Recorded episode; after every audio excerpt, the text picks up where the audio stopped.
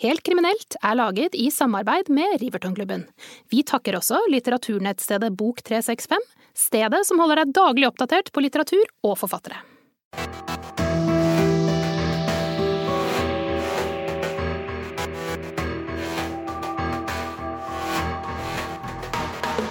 Velkommen til Helt kriminelt med Elin og Ellen.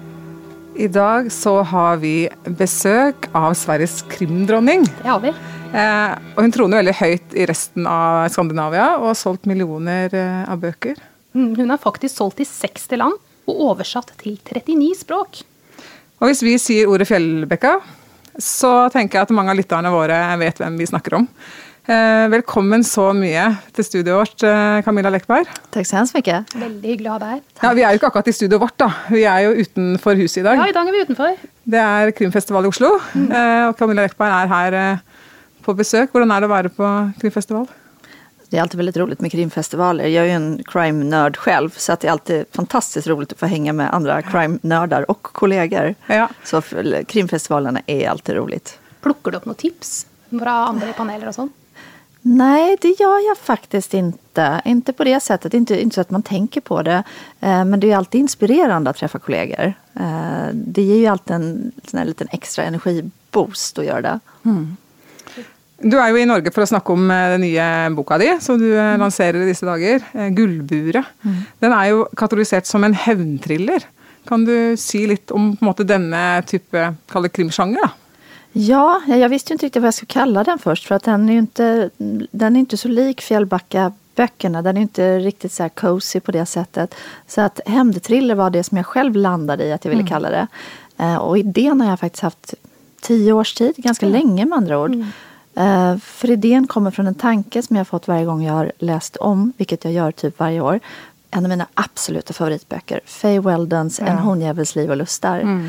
Och varje gång jag läst den de sista tio åren så tänker jag alltid samma sak. Att hur skulle en modern kvinna göra? För den är ju ändå satt i en tid och ett samhälle som inte riktigt ser ut så på det mm, sättet som på längre. 80-talet. Mm. Så att, eh, jag tänkte jag så ofta att men hur skulle en modern kvinna göra? Ja. Eh, och till slut så bestämde jag mig för att skriva en bok om just det. Och så har jag döpt min huvudperson till Faye.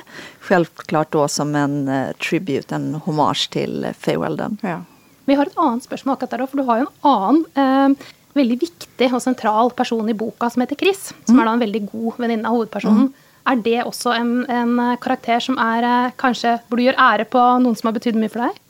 Ja, alltså jag har ju min bästa väninna eh, som heter Kristina och som kallades Chris när hon var yngre. Fast det visste jag inte, det fick jag faktiskt reda på ganska nyss. Oh ja. Att Kristina kallades Chris när hon var Så tonåring. det var ikke liksom en helt bevisst Nej, det var det inte. Utan det var nog lite undermedvetet där tror jag. Eh, Men den typen av systerskap, den typen av vänskap eh, är väldigt lik, som är i boken mellan Faye och Chris, är väldigt, väldigt lik den som jag och Kristina har för varandra. Hon brukar säga, mm, låtsas på skoj i alla fall, att om, om jag skulle behöva ha någon dödad så skulle hon göra det. jag är inte helt hundra på om hon skojar eller inte, så jag blir alltid lite nervös. Men, men hvorfor har det tatt eh, ti år for å skrive boken? Måtte den modnes før du på en måte følte at nå er jeg klar for å skrive den? Ja, alltså det är ju någonting konstigt det där med böcker. Att de kommer liksom när det är meningen att de ska komma.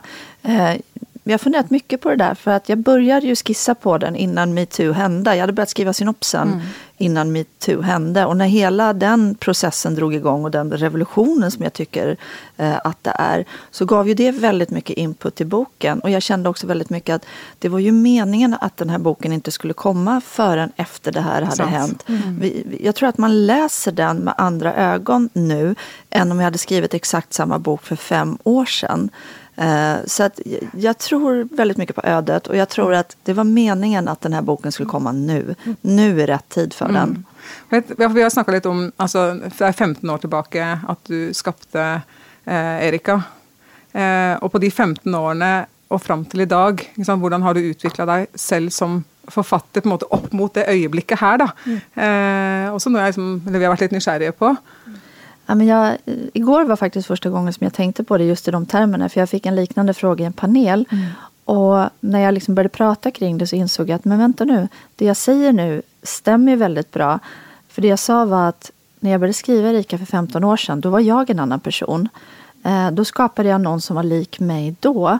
Nu 15 år senare så har jag mer av Faye i mig. Eh, och då behövde jag skapa en karaktär som mer motsvarar vem jag är idag. Mm. Och det har ju hänt fantastiskt mycket de här fem, 15 åren. De här 15 åren har ju hänt mer än hela mitt liv innan. Eh, och det har förändrats mer, både på arbetsmässigt plan och, och ett privat plan. Mm. Jag har fått fyra barn under de här 15 åren. Jag har eh, varit gift tre gånger. Eh, jag har gett ut en himla massa böcker. Mitt liv har ju vänts totalt upp och ner. Mm. Fullkomligt. Jag har blivit en offentlig person. Mitt privatliv i tabloider, i skvallertidningar. Eh, jag är en annan person idag. Mm.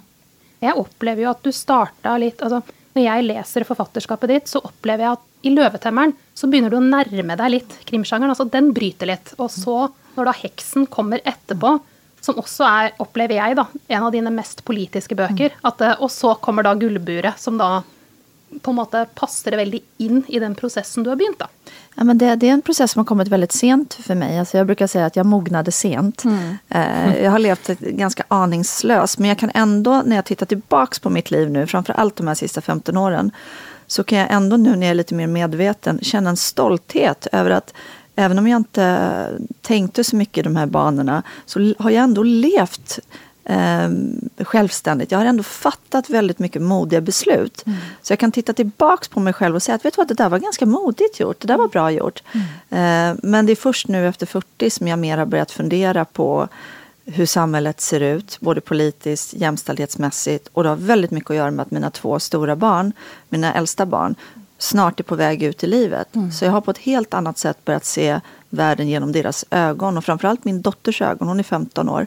Eh, och jag blir mörkrädd när jag tänker på att hon ska ut i den här ojämlika världen. För häxen var ju väldigt stark när det gäller, eh, när det gäller detta med ungdom, utanförskap um, och då dessa yttre fienderna, särskilt mm. mot uh, både unga men också äldre kvinnor. Jag landade i väldigt mycket när jag skrev Häxan. Eh, det var väldigt mycket av de tankar som blivit tydligare och tydligare för mig de sista åren som kom ut i den boken. Eh, och det var väldigt häftigt för mig också att skriva den, för jag var inte medveten om det när jag började sätta mig och skriva den, utan det kom väldigt mycket under processen, under arbetet. Och en sån sak som var en stor så här, pivotal moment, aha-upplevelse, var när jag började skriva om häxprocesserna, som är en stor del mm. av den boken, 1700-talets häxprocesser och insåg att de som brändes som häxor, det var ju starka, intelligenta, ja. självständiga kvinnor. De brändes ju och pekades ut på grund av att de mm. le ville leva utanför normen. Mm. Och så fick jag liksom bara såna, alltså jag får ju ja. rys fortfarande när jag pratar om det. Det är bara plötsligt insåg att, men vänta nu, det är precis likadant idag. Så hur långt har vi kommit egentligen? Det är bara det att vi bränner, ja. vi bränner inte folk, utan vi hänger ut dem på mm. sociala medier, vi mm. snackar skit om dem, mm. vi uh, ger dem sparken. Mm. Det, det, det, är precis likadant, det har inte hänt någonting. Vi har lugnat ner oss lite vad gäller ja, för, bränneriet då bara. Ja, vi har ju, jag, måste säga, Guldburet är ju en bok som, um, när, jag, när jag lockade den igen, så ble jeg sittende sånn, Ok, hva har jeg vært med på nå? Mm. Eh, og måtte gjøre meg noen refleksjoner. Og da tenkte jeg det her er jo eh, mye mer enn også en underholdning, da. Mm. Ikke sant? Men, men den derre ja, Du kan jo lese et lite sitat i boka her som under, ja, underbygger litt av det vi snakker om. Ja, for det, altså jeg, når jeg leser den her, så er det ett sitat, eh, men også da setningene som kommer med ett sitat som jeg syns var veldig sterkt, og da måtte jeg ta en pause når jeg leste boka, hvor du sier de fleste kvinner er krigsskadde på en eller annen måte. Likevel har de tiet, bitt tennene sammen, vært storsinnet, vist forståelse og unnskyldt. Og så litt lenger ned eh, på denne siden her, da, så forteller du at pene piker slåss ikke. Pene piker hever ikke stemmen, det er noe kvinner har måttet lære fra begynnelsen. Kvinner tar imot, glatter over, bärer ansvaret för alla relationer, sväljer stoltheten och utslätter sig själv. Det syns jag är väldigt starkt. Mm. Det är ju någonting som jag mer och mer har börjat inse. Både tittat på mitt eget liv och jag tycker ändå att jag har varit en stark självständig eh, kvinna. Ändå så ser jag ju samma mönster hos mig själv som hos så många kvinnor runt mig. Mm. Det här enorma ansvaret vi tar på oss eh, små saker som att det är vi som ordnar julklappen till ens mans mamma till exempel. Ja. Alltså, alla de här små tingen. Att det är kvinnorna som vet när det är dags att köpa nästa storlek på barnens kläder och när det är dags att köpa vant. Alla de miljarder saker som vi behöver hålla koll på Uh, vilket är också en av anledningarna till varför kvinnor är så otroligt utbrända idag. Vi har så, vi ska vara fantastiska på arbets... Nu har vi fått tillgång till arbetslivet. Ja. Det har vi ju kämpat hårt för att få. Nu har vi fått det. Men problemet är att vi har inte blivit av med motsvarande del av hemarbetet. Utan vi dubbelarbetar på ett sätt som bara kvinnor tvingas göra. Mm. Uh, så det är mycket ilska över det här som kommer ut i den här boken. Men jag är också väldigt tydlig och det hoppas jag kommer fram i boken att jag tillhör inte jag har lite svårt ibland när man pratar om feminism för att jag tycker det har blivit kidnappat ibland och det finns väldigt mycket som många feminister säger som jag inte håller med om och det finns väldigt mycket regler som jag inte alls har lust att leva efter. Mm. Så vi kan inte säga att det är ett kampskrift för Nej, kvinnor? Nej, det, det, på sätt och vis är det det men det handlar mer om ansvar och jag tycker inte att man kan lägga ansvaret 100% vid männens fötter och säga att ni är dumma i huvudet, det är ni som ska lösa det här. Mm. Det här handlar om makt. Mm. Ingen har någonsin lämnat ifrån sig makt frivilligt. Eh, det är inte det sättet som det här kommer att förändras på. Kvinnor måste också eh, ta ansvar. Och det är någonting som jag är väldigt tydlig med i boken. Att vi kan inte det finns till exempel i Sverige nu finns det en eh, ny våg om att man vurmar för hemmafrulivet. Eh, och det är kvinnor som går ut och skriver artiklar om att jag har valt att vara hemmafru, jag tycker det är jättehärligt mm. och fler borde göra det och sådär. Och jag har, inget, jag, alltså jag har ingen värdering av att vara hemmafru. Det är ett skittufft jobb att vara hemma med barn. Mm. Alltså, ja, det det. Jag tycker ibland att det är semester att gå till jobbet. Liksom, så att jag har full mm. respekt för att det är ett tufft jobb. Det är inte där jag tycker problemet ligger. Utan problemet är ju att man gör sig beroende av en man. Mm. Och man måste själv då ta ansvar för att tänka steget längre. Visst, man är nygift och har småbarn och det är inte roligt att tänka på att det kan ta slut, men det kan ta slut. Ja, och hur ska man då klara stå på Hur ska man klara sig? Och du har ingen färsk utbildning, den är gammal, ja. du har ingen arbetslivserfarenhet, du har ingen pensionsspar. Alltså, och där är vi lite tillbaka liksom, till efterkrigstida. Ja. sant? Och där måste ju vi ta ett ansvar också. Mm. Vi måste ju också våga kräva mm. saker. Vi måste ju våga, vi kommer inte få någonting som vi inte vågar be om. Mm. Uh, så det är också sånt jätteviktigt för mig. Um, for sårbare, altså at Hvordan kvinner kan bli sårbare, är ju också ett tema som faktiskt går ja. igen i alla böckerna dina. Ja. Och det, det, kvinnor är ju utsatta. Eh, fick en fråga igår på ett seminarium att ja, men varför vi så ofta gör kvinnor till offer, varför vi mördar så mycket kvinnor i böckerna. Men för att det är så verkligheten ser ut. Det är så ja. det ser ut. Det är till största delen kvinnor som våldtas och mördas. Mm. Det, det, är verkligheten. Det är ingenting som vi skapar i fiction, utan kvinnor är ofta offer. Ja, det blir ju liksom i litteraturen att man, man kan inte på något sätt måla ett, helt annat bild. Man kan inte låtsas att det är på något Nej. annat sätt, liksom, för att det hade varit trevligare. Inte sant? Så, men vi vet ju också att uh, du är väldigt upptatt av, av detta tema, men samtidigt så är det också som du har sagt att när du skriver krim, så en ting är budskapet du har, men samtidigt så har du ju, du önskar ju att underhålla läsaren ja. också. Alltså, vad ser du på som de viktigaste kvaliteterna med en god krimroman? Jag ser som min främsta uppgift att underhålla. Sen är det svårt att skriva i ett vakuum. Det är klart att mina åsikter kommer att lysa igenom på boksidorna men jag är alltid väldigt noga med att låta underhållningen komma först. Annars är det ett manifest. Mm. Men hur startar du när du utarbetar en bok? Alltså, har, du, har du tema för boken eller har du ett sted? Eller hur börjar du skrivprocessen?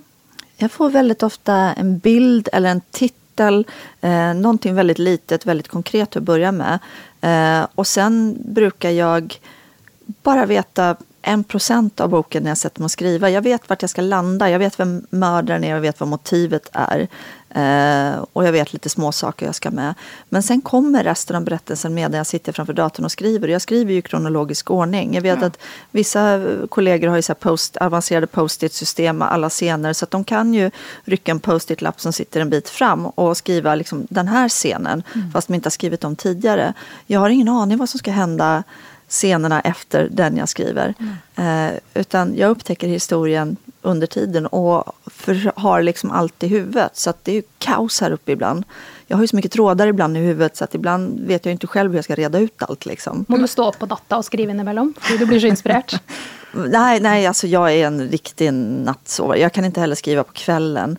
Utan jag, jag är både morgontrött och kvällstrött tyvärr. Så jag har en liten lucka så på ett par timmar mitt på dagen då jag är hyfsat pigg.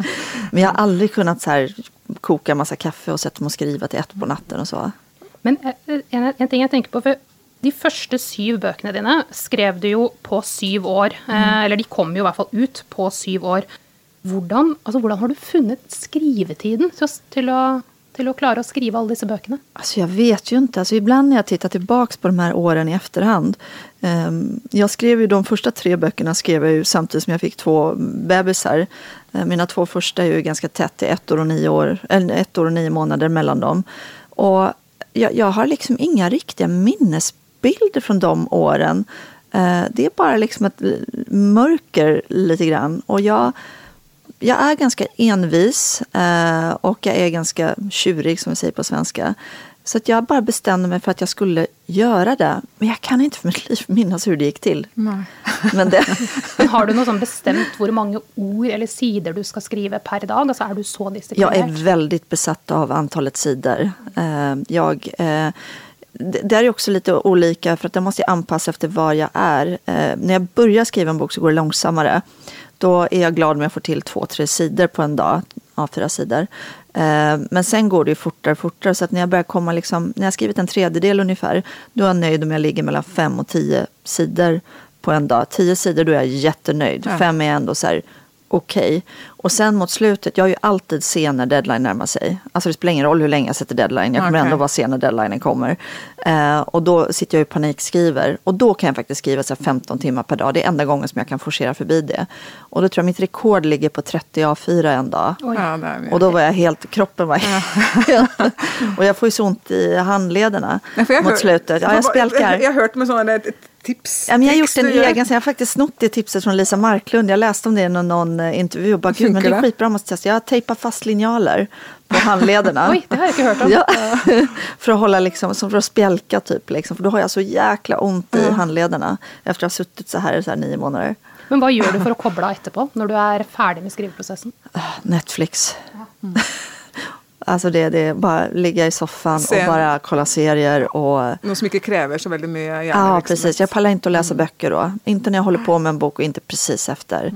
För då, då, är jag så, då har jag hållit på med ord hela dagen. Liksom. Så att då vill jag inte ha ord, då vill jag titta på berättelser istället. Vi snackar om ord, det här med språk. Um, jag har läst på å si, olika anmeldelser och sånn, och, och du har ju fått lite kritik på, måte, på, på språket. Da, at Ja. språket er litt enkelt. Eh, og jeg, jeg vil bare si det at jeg tenker enkelt betyr jo ikke dårlig. Så det er sånn, Kan ikke du si litt om hvordan du jobber ut språket i bøkene Ja, men det här är en sån rolig debatt. Det här är en sån här mm, sak som jag har debatterat i 15 års tid och som inte är ett dugg jobbig för mig. Alltså det, det, jag tar glatt den här debatten vilken Ja. dag som helst. För jag är liksom genuint oförstående till just den kritiken. Eh, alltså man anpassar ju språket efter vilken typ av bok det är. Och Fjällbackaböckerna till exempel, det hade inte passat med en krångligare prosa. Det ska vara ett vardagsspråk, det ska vara en hög igenkänningsfaktor. Så jag är så här, men det, det hade inte passat med en krångligare prosa. Eh, och det finns ju en liten sån här, och det är väl samma i Norge som i Sverige, det här att det är lite finare om det är lite svårare. Eh, och jag har, jag har aldrig haft någon längtan efter att bli en fin författare. Eh, jag vill bli läst. Ja. Och det blir du. Eh, och det blir jag. Så att ibland är jag sådär, ehm, och jag vet till exempel att de, de frågade mig, jag vet att jag fick en eh, anmälelse i VG som eh, inte var så bra och sådär och frågade mig hur känner du för det? Och jag säger, jag kan faktiskt inte bry mig mindre. Jag är så van vid att recensenter på kultursidorna inte tycker om det jag gör. Men läsarna tycker om det. Og du har jo også skapt eh, to karakterer, eh, Patrick, Patrick og Erika, eh, som leserne mm, virkelig har trykket til sine Ja. bryst. Hvordan eh, skal en person som skriver, hvordan går man fram for å skape sånne karakterer som, som engasjerer? Alltså för mig handlar alltså karaktärerna är ju det viktigaste när jag skriver. Det är ju det som skapar och jag brukar, jag brukar ta den här jämförelsen när man pratar skrivande. Eh, och, för jag får ju ofta frågor, men hur gör man? Hur skapar man spänning? Hur skriver man en bra deckare? Hur, skapar man, hur bygger man upp det? Då brukar jag säga att fokusera på karaktärerna. För då, om du, du kan ta en bok som har ganska trist handling, men spännande karaktärer som engagerar och man vill ändå läsa boken. Gör tvärtom och ha en jättespännande, eh, fantastiskt uppbyggd intrig men tråkiga karaktärer som inte engagerar, ingen vill läsa den boken. Och det visar väldigt tydligt hur viktiga karaktärerna är. Och för mig handlar det väldigt mycket om att bygga upp, att jag fortsätter bygga upp dem tills de känns tredimensionella, tills de känns verkliga för mig. Um, och det gäller även om det är en biperson som bara är med i två sidor. Den är lika viktig. De kan dessutom ofta vara ganska roliga. För då kan man leka. I första boken till exempel så har jag en eh, tant som de ska förhöra som vittne. Eh, som samlar på tomtar. Um, och haft fik och vi gör massa bakverk. Hon har alltså hela, hela huset fullt med små tomtar. Och jag mm. baserade det på min mammas granne faktiskt. Mm. Uh, som börjar plocka fram sina tomtar i oktober varje år. För att det tar ungefär liksom, fram tills jul att få upp alla tomtarna. Mm. Så du observerar och går jag och observerar och jag samlar och så sätter jag ihop det. Och, så att jag, jag är ju livsfarlig egentligen att ha runt sig. för att jag verkligen så här, kan du göra det där igen? Gud, det där var bra. Mm. Kan, säg det där igen. Mm. Så att jag samlar, jag älskar människor. Det tror jag är en grund för att skriva bra karaktärer. Mm.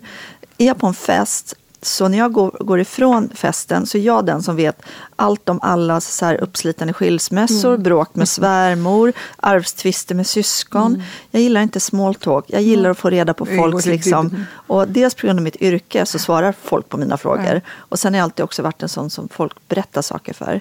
Eh, så jag, jag, jag älskar människor. Men karaktärerna i Guldbure, är det någon av karaktärerna där som sitter mer under huden på dig? Är det något som varit vanskeligare att skapa? Eller hur har karaktärerna i Guldbure varit för dig? Alltså, den viktigaste karaktären för mig är naturligtvis Faye. Och det var viktigt, att utmaningen med att skapa Faye var att hon gör ju en del saker som inte är speciellt likable. Mm. Och så jag var så här, hur ska jag ändå känna sympati för henne fast hon gör de här sakerna. Så att jag behövde väldigt mycket förstå henne. Och i bok två kommer man ju få reda på mer om hennes uppväxt och vad som händer. Det finns det ju mörka hemligheter där. Ja, det finns mm. ju hemligheter där liksom. Ja. Eh, men hon är ju väldigt komplex och jag behövde, liksom, jag behövde förstå henne.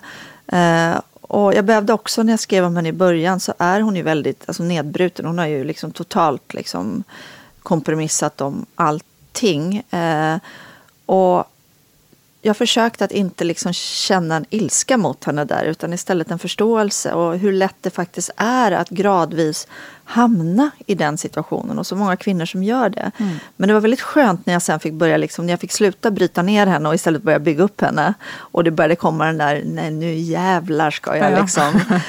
nu, nu ska jag inte ligga hemma och käka Ben Jerrys och mm. gråta ner i glassbyttan längre mm. liksom. Uh, och där hämtar jag nog mycket från mig själv. Jag är ganska bra på att, det är klart det har varit tufft många gånger även privat under de här åren. Det har varit mycket som liksom, allmänheten inte känner till. Man har varit ner och nuddat med tårna mot botten några gånger. Liksom. Mm. Såklart, och fyra barn och det här jobbet. Och det är klart det var tufft liksom. Men där har jag nog kunnat föra över det till Fiat. Jag är ganska bra på att säga att okej, okay, nu, nu nu är jag trött på att tycka synd om mig själv. Nu, nu kan jag inte mm. liksom säga, okej okay, nu kavlar vi upp ärmarna och så börjar vi sparka oss uppåt igen. Mm. Och det är det jag försöker liksom lägga in och det är det jag hoppas också att man ska få lite den här känslan själv i kroppen när man läser att man ska börja titta lite grann på sitt eget liv och vad ska jag, hur vill jag ha det? Mm. Hur vill jag ha mitt liv? Lever jag det liv som jag vill leva eller offrar jag mig bara för alla andra mm. och se till att de har det bra? Men, men jag då? Det, det är nog den jag mycket vill att man ska få med sig. Jag ser också på hur boken är satt upp så har du ju när du snackar om Faye och Jack i fortid, mm. så är det skrivet på, på vanlig måte som resten av boken. Men när du har scenerna från Fjällbäcka så är de i kursiv. Ja. Är det en speciell grund för att du valde det eh, knäppet? Ja, nej, men det är lite grann för mig för att särskilja. Och jag har jobbat så mycket med tidigare också i Fjällbacka-romanerna att jag har lagt vissa, vissa partier kursiva. Um, för mig är det, jag gillar lite så ordning också, jag gillar tydlighet och Eh, jag ville också att de skulle få en annan känsla. Att man skulle känna en annan känsla när man läste de partierna. Och det är ett av verktygen som jag, som jag använder. Och eh, också ibland att jag kan ju byta eh, jag-form till tredje person och leka lite med olika sätt att skapa olika känslor hos läsaren beroende på vilket parti det är. Mm. Men testar du ut när du, när du skriver och jobbar ut en roman, testar du då på något ut för exempel Faye i olika um, roller eller perspektiv. Alltså pröva liksom att skriva henne in. Nej. Eller kommer hon bara liksom, Nej, hon kommer. det flyter fort? Ja. ja. Nej, jag, och jag inte så att jag gör något sånt här ark där jag skriver ner och försöker mejsla ut den. Utan hon kommer mm. samtidigt som berättelsen kommer. Så att det är som att jag lär känna henne. I början är hon en främling för mig när jag börjar skriva. Jag vet ju på ett ungefär liksom vart jag vill att hon ska hamna. Men ju mer jag skriver om, om henne så lär jag känna henne. Alltså par, när jag börjar liksom komma en bit, ja, men då börjar jag säga men hon gillar säkert sån här mat och hon, hon lyssnar säkert på sån här musik. Och då börjar jag liksom få ledtrådar om vem hon är. Mm. Jag vet att klockan börjar eh, gå lite från oss här nu, men du, har- det är en jag jeg har lust att fråga om. Och det, jag, jag såg dig i panelen igår, eh, där du blev intervjuad. Och fikk en del spørsmål om sexscenene som Ja. er. Og da så jeg du liksom dro litt i genseren og Jeg er litt varm. Ja, det var en av de största utmaningarna för mig. Eh, och jag, jag har ju valt att göra den här bok, tvåbokserien för att utmana mig själv. Men det var faktiskt den största biten. Jag har ju undvikit det hittills. Jag har ju inte haft med sexscener För det är ganska direkt detaljerat, Det är ganska detaljerat. Ehm, och eh, jag har ju alltid liksom så haft lite ångest och inte skrivit sånt för att jag ser bara framför mig att min mamma sitter och läser böckerna. Så nu funderar jag väldigt mycket hur jag ska göra med den här. Men jag ska riva ut sidorna innan hon får, innan hon får boken. Eh, Sensurert. Ja, typ. Eh, jag, jag tyckte det var väldigt mycket ångest eh, innan jag började. Och jag har också väldigt stor respekt för det. För att det är väldigt, väldigt, väldigt svårt att skriva bra om sex. Men det var liksom bara att sätta sig ner, ta en flaska vin. Nej, jag, jag skrev nykter. Det brukar inte bli så bra när man skriver efter ett par glas vin. Men jag hade nästan behövt det när jag skulle börja skriva sexscenerna. Och så försöka närma mig det precis som jag närmar mig alla andra scener. Jag går ju in i en scen, jag ser det framför mig. Och det var bara att bestämma mig för att okej, då gör jag likadant med sexscenerna. Det er jo ikke tilfeldig at sexscenen er med i boken. Ja, for det har vel Nej. litt med makt gjøre? har det? Ja, alltså det, det, det, för det är ju så här väldigt viktigt för mig att sexscenerna är inte med för att det ska vara smaskigt eller spekulativt. Eller att Och det ska ska vi liksom vara, nu ska vi precis liksom lite sh- 50 shades of grey och Ja. hänga på den. Utan för mig är ju sex en av de maktmedel som man använt för att hålla nere kvinnor. Och det är också ett maktmedel som kvinnor kan använda. Det är, det är ett vapen som kan användas åt båda håll och det är ett vapen som vi använder. Eh, så att det var viktigt att få med sexet och få med, det är också en del av det hur hon tar kontrollen och tar tillbaks makten över sitt liv, att hon tar kontrollen över sin sexualitet igen. Men det, det har varit en, eh, ja, det har varit en utmaning att våga ta sig an det, det, det ska jag faktiskt erkänna. Man må, være, man må være litt redd for å utvikle seg. Ja, det, det, jag tycker om den känslan. Jag tycker om att göra saker som fladdrar i magen. Jag var ju med i svenska Let's Dance Ska vi dansa 2012. Och det är en ganska bra sätt att beskriva den känslan. Den där liksom, totala paniken när man är på väg ut i livesändning inför två miljoner människor i en väldigt liten klänning och ska göra en rumba. Liksom. Och det är lite grann den känslan som jag fortfarande söker i mitt författarskap också. Eh, att, att, att göra det här är otroligt läskigt. Jag är jätterädd och nervös för hur läsarna ska ta emot det. Läsare är traditionalister, de vill ha samma sak. De vill känna igen sig, de vill inte ha något nytt, tror de. Men jag vill ju övertyga dem att jo, ni vill faktiskt ha det här från mig också. Eh, men jag är jätterädd och jag älskar den känslan. Er du, ja, er du like redd nå inn i oppfølgeren? Nej, nu, nu känner jag mig lite liksom varmare i kläderna och nu känner jag att jag har hittat formen för, för det här är ju ett annat sätt att berätta. Jag har lite annat språk, det är lite, eh, det är lite rakare, det är lite tuffare, lite kallare. Eh, det är inte lika mycket humor som i crimeböckerna. Och jag har ju också försökt mig på någonting som jag velat göra jätte- jättelänge. Eh, och jag vet inte om ni märker när ni läser, men det är också parat med en hyllning till en typ av litteratur som jag läste väldigt mycket när jag var tonåring och som jag har saknat. Den har ju nästan försvunnit. Och det är ju den här fantastiska, smaskiga eh, litteraturen av Sidney Sheldon, Judith Krantz, de här böckerna Traces Hämnd, Lace. Eh, och de var ju fantastiska och de skapade så mycket läsglädje. När jag tar Och fick upp de här böckerna, och fick jo och de, den gangen også. Ja, de fick jättemycket kritik och en av de anledningarna till kritiken är att det var ju kvinnor som tyckte om den här litteraturen.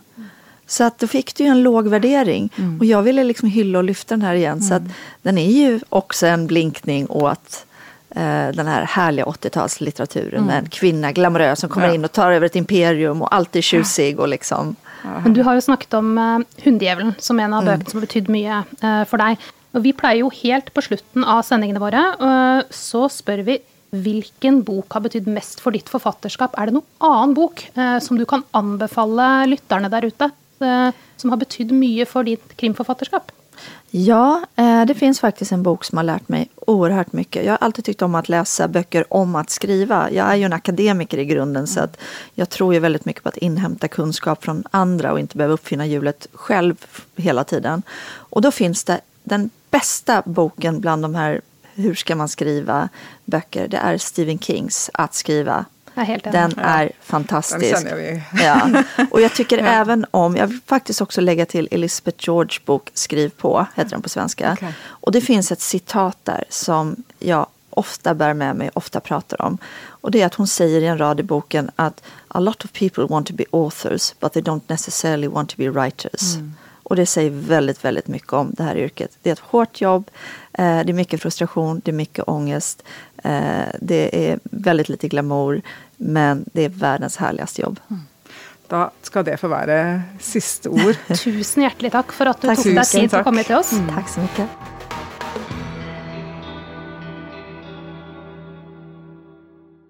Helt kriminellt är producerat av både och.